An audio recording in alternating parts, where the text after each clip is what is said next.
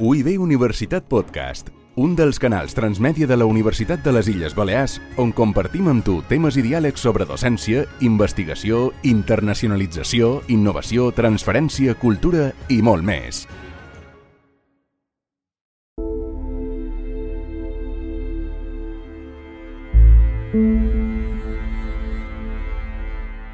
Viure una guerra en primera persona o analitzar les causes estructurals de les guerres. Aquests són els dos lemes de les entrevistes que escoltareu en aquest capítol d'En quin món vivim, el podcast de l'Oficina de Cooperació de la Universitat de les Illes Balears. Una vegada més hem volgut obrir aquest projecte a la comunitat universitària i hem enregistrat aquestes converses en un espai de la universitat. Ho hem fet a la porta de l'edifici Ramon Llull, concretament.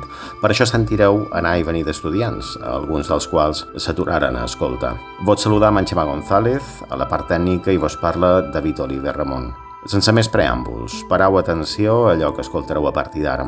És el retrat de com una guerra marca per sempre la vida d'una persona i possiblement genera en ella el major desig de pau que es pugui tenir. En aquest bloc de En quin món vivim, dedicat en especificisme, volíem dedicar un moment a parlar de tot allò que pot se posa molt en evidència la necessitat de pau, però que és suposat i és parlar de, de, de la guerra. No? Per això hem convidat aquí en el campus de la Universitat de les Illes Balears en Samir Berrios, és educador social i va viure la guerra a Nicaragua quan, quan era jove. Uh, com està, Samir? Què tal? Molt bé, moltes gràcies per convidar-me. Sí. Amb això diré una cosa que està bé que l'audiència la sàpiga i es públic aquí present. En en Samir l'ha entrevistat, mm, ja aquesta serà la segona vegada parlant específicament d'això, per això t'he convidat, perquè el que m'havies transmès anteriorment era molt interessant i alguna vegada el tema havia sortit amb altres entrevistes que havien fet d'altres qüestions. I sé que te fa mal, però que em vols parlar. Sí. Uh, te dones gràcies per haver vengut. A tu val? que això ara ho anirem explicant. I també ens acompanya Nanana Obrador Sastre, ella és pedagoga, activista feminista descolonial i presidenta de l'ONG Veïns Sense Fronteres. Nana, com estàs? Què tal? Molt bé, encantada d'estar aquí, compartir aquest espai. Nanana ens explicarà coses que crec que són molt rellevants per entendre el que és es verí d'una guerra, ens centrarem molt al Congo, no es verà, també miram cap, cap a Ruanda, jo crec que me centraré més en el Congo. Que és on has fet més feina. Que és allà, allà on he treballat més. Sí, hi ha aquell... Eh, dones com arma de, arma de guerra, que llavors, si vols, mos expliques en què, en què consisteix. Però, Samir, per, per ubicar la qüestió a la teva vida, sí. tu què estaves fent en la teva vida quan de cop hi ha una cosa que se diu guerra que hi apareix? Què va passar? On i quan? Sí, uh, bé, moltes gràcies per, per convidar-me i és vera que és una qüestió que m'emociona, m'emociona sempre, és algo que, que no pot evitar perquè està allí, no se n'irà. Malauradament, i uh, moltes persones ja naixen en la guerra. Jo he nascut en la guerra. Uh -huh. I té dos, dos moments molt, molt marcats. La meva infància, que he nascut en la guerra, una dictadura, però eh, no me afectava directament. Mm, ho trobava com un joc. No era una cosa que m'afectava, perquè tenia persones que me, que me protegien. Tenia els meus pares, els meus germans, que, eh, que eren les meves, els meus recolts. Sí. I després una altra etapa, que és quan eh, he arribat a, l'adolescència, i he tingut que anar a la guerra, a servicio militar patriòtico, que era uh, obligatori. I he tingut que anar, uh, no me cau una altra, una altra opció. Recordes com varen ser aquells dies previs a que això passés? Com estava? Jo estudiava, estava en l'institut, però n'hi havia molta persecució, perquè nosaltres estàvem visquent una, un bloqueig per part dels Estats Units i hi havia una financiació eh, important a una part de la societat, que això nosaltres no ho sabíem, eh, sobretot campesina i empresaris, que eren el que fèiem, eh, se deia la contrarrevolució. I foi a partir d'aquí que ha nascut sa, el servici militar. Dos anys després de, de que s'ha imposat el servici militar, uh, moria molt de joves, moria molta gent. I les uh, famílies començaron pues, a, a assustar-se. Jo estava... tenia 15 anys, estava en segon de, de la secundària i he tingut que deixar l'escola, he tingut que deixar el deport perquè no podia continuar, perquè no volia anar a la guerra. Per tant, tu vares ser un nin adolescent soldat forçat. Sí. Tu en els 15 anys ja agafes un fusell. Uh, no del tot així, perquè quan ha triomfat la revolució, jo tenia 9 anys, jo te comentava abans que he tingut dues etapes.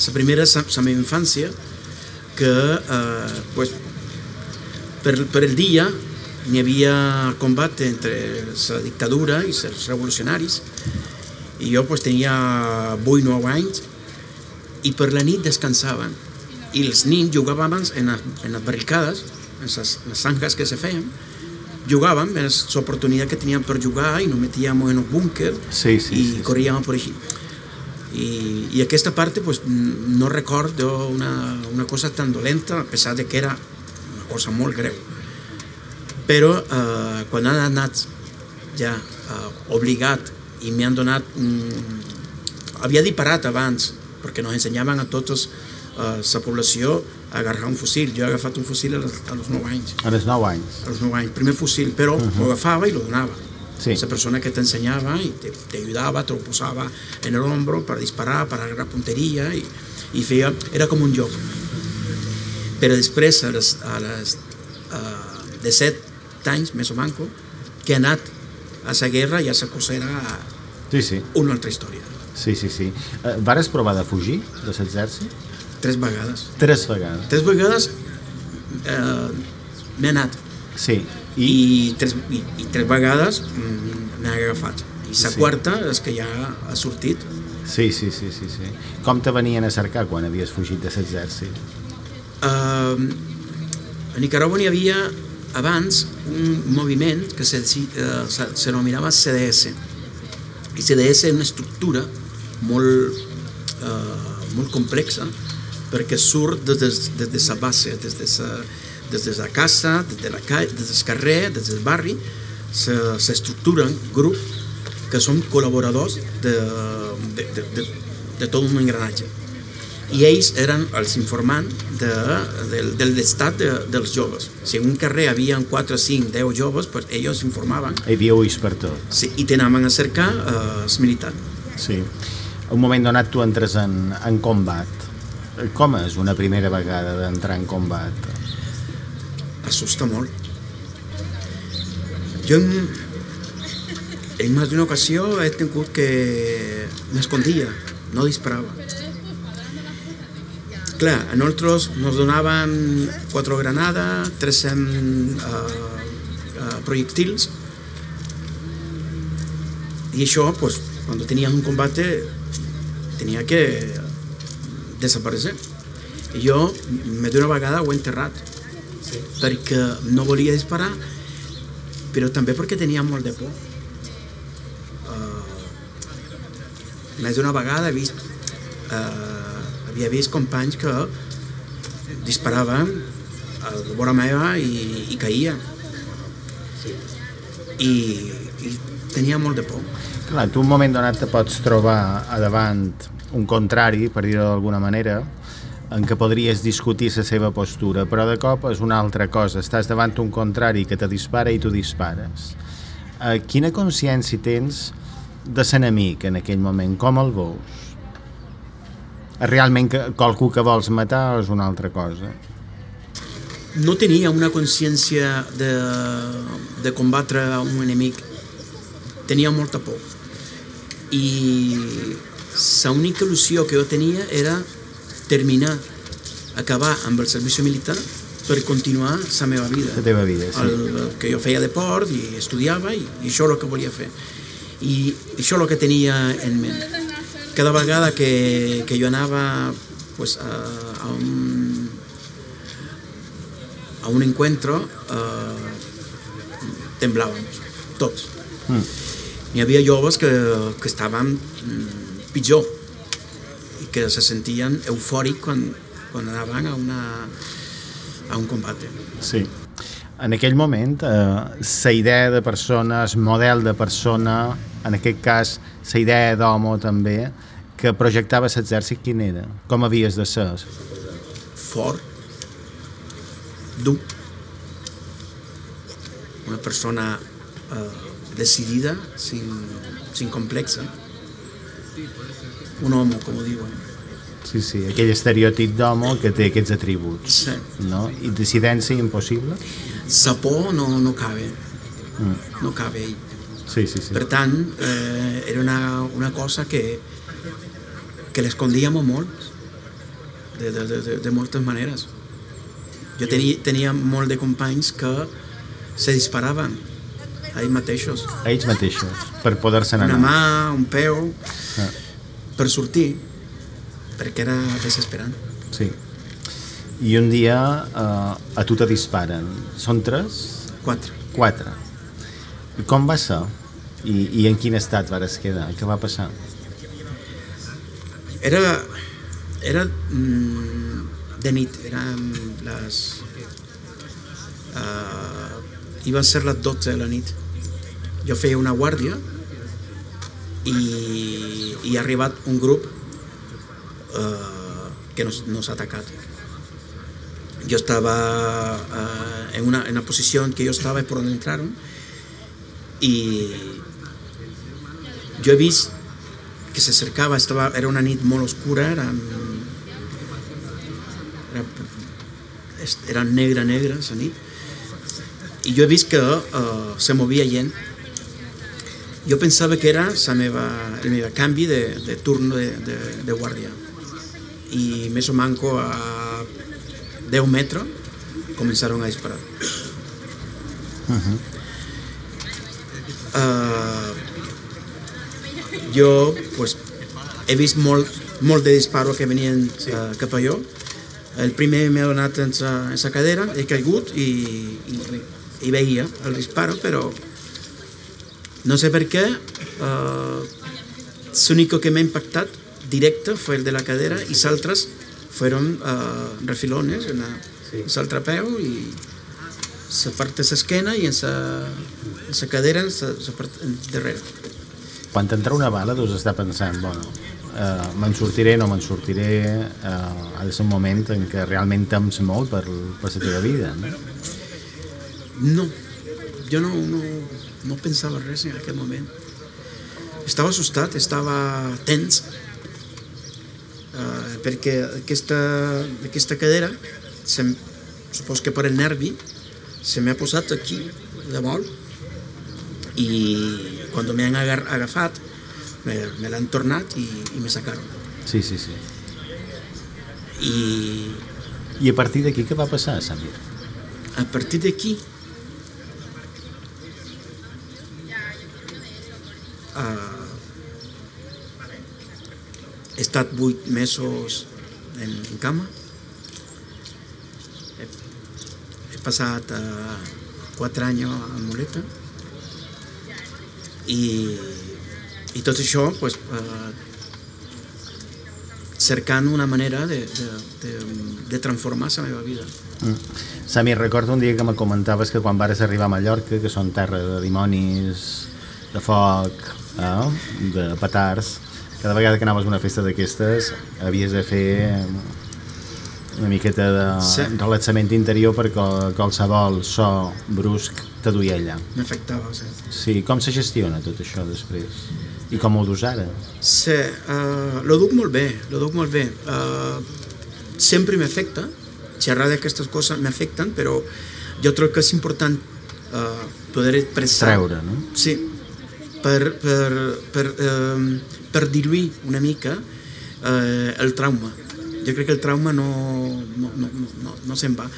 Jo en aquesta, en aquesta època pues, tremolava cada vegada que escoltava un, un petardo. En, en el meu país n'hi ha, ha molt de petardos també, per cada festa, per cada cosa, se tiren molt de petardos i bales. I jo el que feia era ficar-me a la dutxa, posava la ràdio, la música a tot volumen i per intentar no escoltar. Cercava estratègia per, per, per treballar-la. Malauradament eh, és un país pobre i no n'hi ha una assistència eh, per tota la gent que, que padeix aquesta, aquesta situació. Aquest trauma, eh? Sí. Sí, sí. Samir, passaré a dues preguntes finals per, que són generals en aquest Sí. cas, no? Després tot allò que mos has contat, si te demanés què provoca una guerra, què, què penses que és? Què hi ha darrere una guerra, normalment?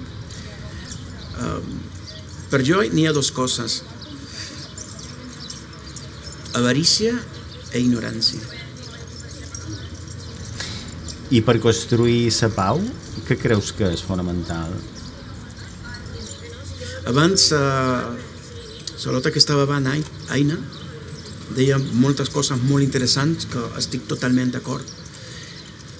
Però crec que eh, falta amor. Crec que és fundamental per, per trobar eh, aquesta pau que tant eh, cercam.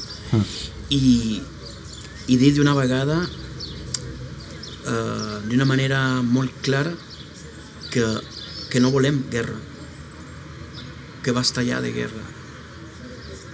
Per molt que doni feina, eh, dona més problema. I de Samir Berrios, moltes gràcies per, A tu. per el teu testimoni. Gràcies. Gràcies. I de passam a parlar amb eh, Nana Obrador. Uh, nana, eh, com explicaries que, que es dones com a arma de guerra? De què parla i com, com se va construir i per què? Uf, David, he de, he de respirar abans de d'explicar-ho, perquè necessit dir que, que, que escoltant Samir remou. Aleshores, eh, espero que, que aquesta remoguda mos serveixi a totes i a tots per, d'alguna forma, per interpel·lar-nos d'una banda reconèixer la nostra situació de privilegi i d'altra vinculada a les guerres en quina mesura contribuïm a que aquestes guerres s'adonin per mantenir-nos en aquesta situació de privilegi. Clar, me col·loca en una situació que, que ara eh, em vestir m'acosta perquè estic dins, aquesta, dins aquest procés de, de remoguda. Com, com ho estic quan, quan, quan hem participat a, a la publicació aquesta que deies eh, Dones com arma de guerra. Dones com arma de guerra va sorgir arrel d'unes jornades que vam organitzar eh, de forma conjunta amb altres organitzacions el 2015 i que perseguia bàsicament eh, dos eixos de finalitats, per dir-ho d'alguna forma. Un era anar més enllà de les conseqüències aparents eh, i bàsiques de les guerres per aprofundir en les causes més estructurals i, i estratègiques.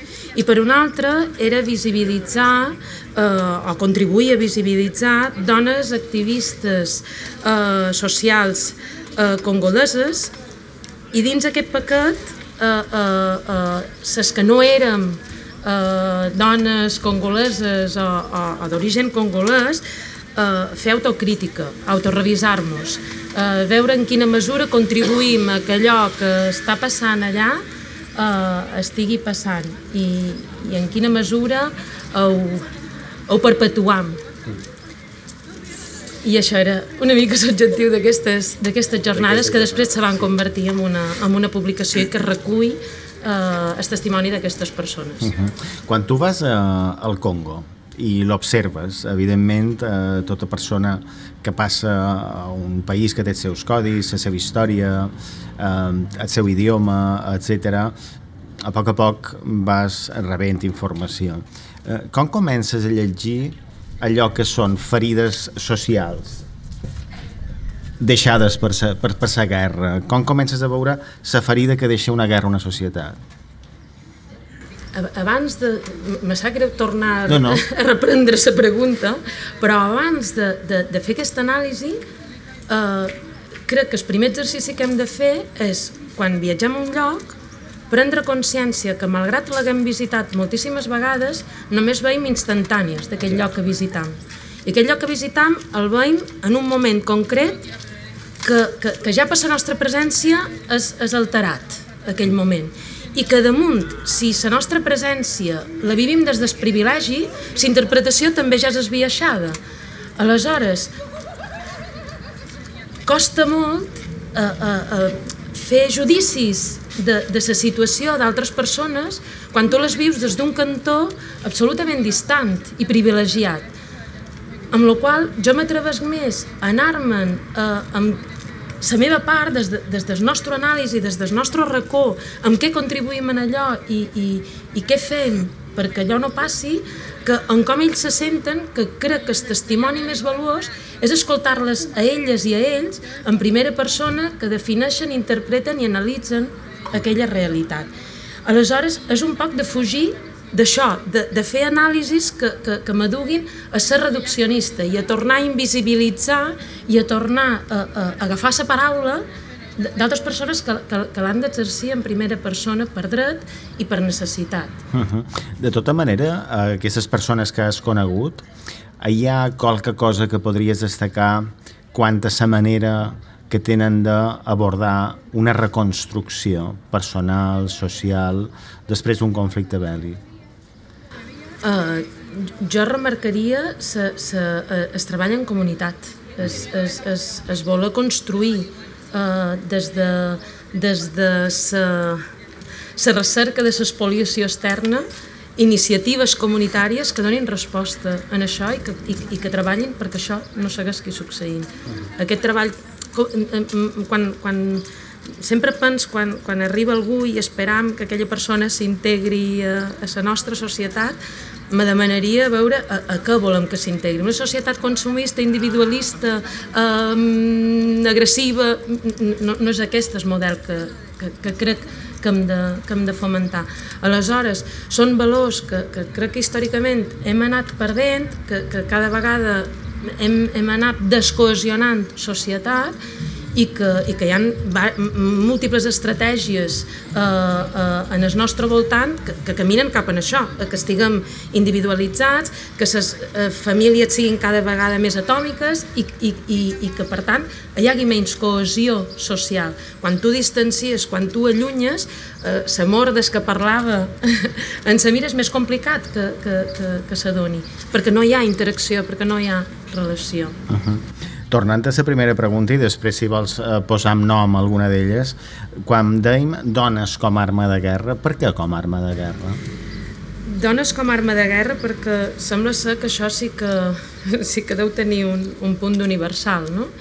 que, que, que, que, que la dona, eh, eh, especialment en el Congo, és un dels reclams que, que, que feien algunes d'aquestes dones, és que s'ha utilitzat com com una, com una arma de destrucció massiva perquè en el moment en què dins una comunitat la dona eh, és un pilar fonamental es, es, es, es, es violar-la o, o agredir-la eh, contribueix a desestructurar la societat. Aleshores, es des, eh, eh, contribuir a desestructurar la societat i torno una altra vegada cap al nostre cantó, eh, és, és el que facilita que, que, que, que societats i comunitats abandonin aquells territoris que, curiosament, allà on hi ha el major nombre de violacions és allà on hi ha més recursos mm. dels quals nosaltres tenim interessos. Sí. Aleshores, acaba per ser una estratègia per, per poder seguir espoliant sí. els recursos. Mos presentes qualcuna d'aquestes dones que hagis conegut, que vulguis fer una pinzellada de qui són, de què han fet, que, que has compartit amb elles? Uh, me, ven al cap uh, na, na Jolie Camuntu. Jolie Camuntu és, és, una, és una dona d'origen congolès, presidenta d'un equip de futbol masculí, Uh, que, que, que està convençuda, ella expressa que està convençuda de que, de que, de que la joventut és eh, l'estratègia més poderosa per transformar eh, el món. I, i convita que, per no posar més paraules en nom meu que són seves, eh, a cercar sobre, sobre ella i a, i a llegir-la i, i, a, i a crear espais eh, que donin oportunitat per escoltar-la ella en primera veu. Però crec que és un referent que per mi eh, és, a, és a, a, a, a recercar uh, perquè, perquè és referent allà i crec que ho és, i, i ho és aquí. Sí. Aleshores, uh, me sembla un potent... Uh, un potent, una, una dona molt energètica i molt potent com, com per, per seguir-la. Uh -huh. uh, Nana, anant en aquesta comprensió d'espais que deies, de coses que se poden explicar des d'allà, des de també la mirada que nosaltres puguem tenir des d'aquell lloc privilegiat, etc. Per tot el que has anat aprenent, quines són les uh, causes suposades de les guerres que tu has pogut veure, has pogut saber d'elles, i quines són les causes reals? Jo me plantejaria com eh, quin benefici en d'aquestes guerres. I crec que arribam un poc eh, a ses causes, no? Jo crec que el que deia abans, és un poderós instrument de desestabilització socioeconòmica.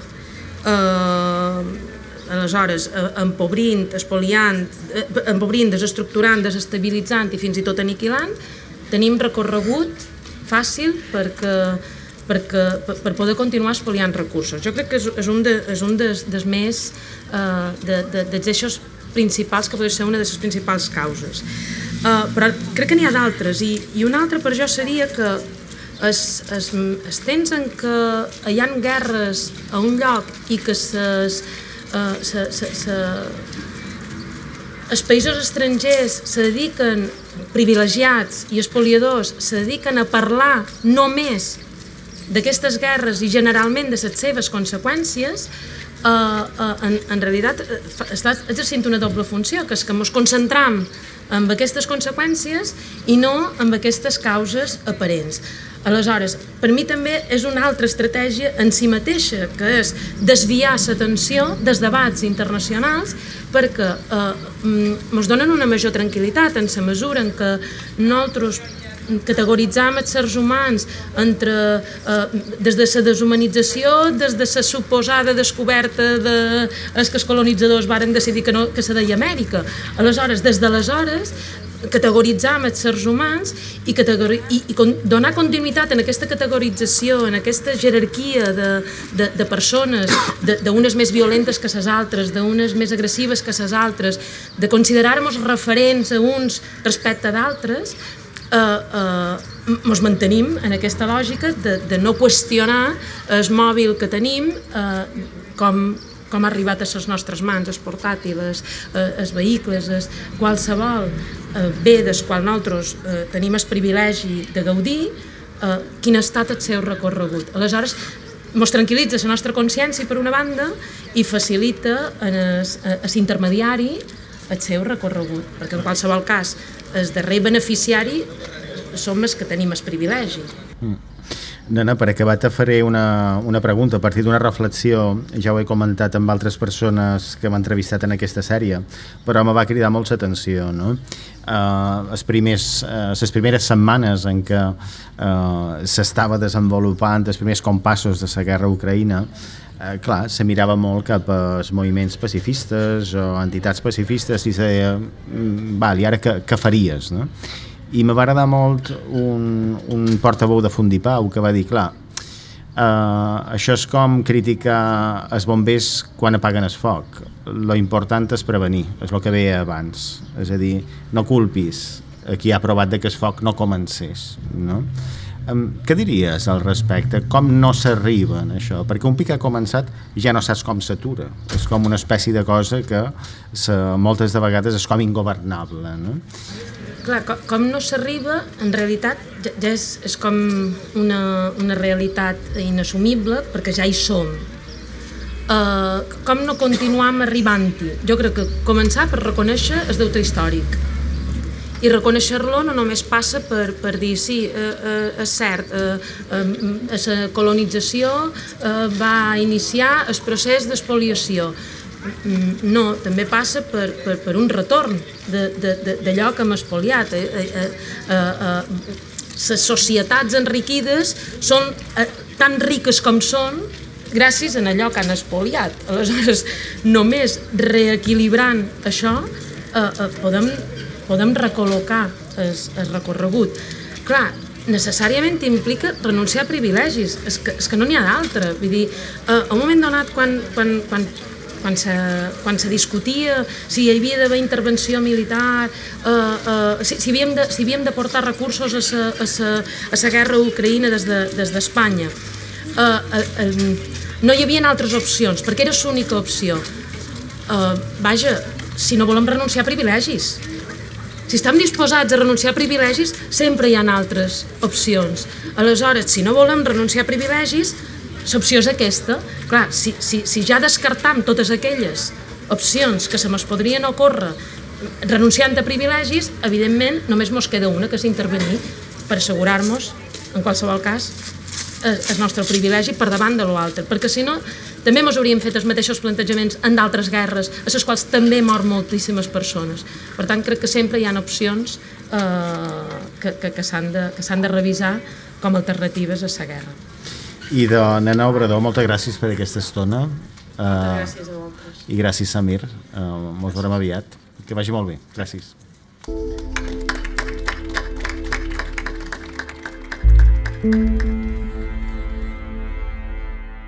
Aquí acaba aquest tercer capítol de la sèrie En quin món vivim que ens convida a reflexionar sobre el pacifisme, amb la guerra com la bèstia a desarticular. En el proper escoltaran també persones que viuen o han viscut en contextos de violència. Quines vies queden llavors per treballar la concòrdia? Qui té la responsabilitat de la guerra? Que és important per reconstruir una societat violentada? Són preguntes que ens venen al cap quan ja preparam la conversa amb Grecia Eugenia Rodríguez Navarro, defensora dels drets humans, amenaçada al seu país, Mèxic, per fer-ho. I també sentirem declaracions de Justin Caixara. Ell és cooperant, és congolès, i va créixer en un context on una guerra donava pas a una altra. De fet, actualment, tornen a fer-se sentir les armes entorn dels grans llacs. Segur que valdrà la pena escoltar-los. Vos esperam en quin món vivim. Que hi hagi pau.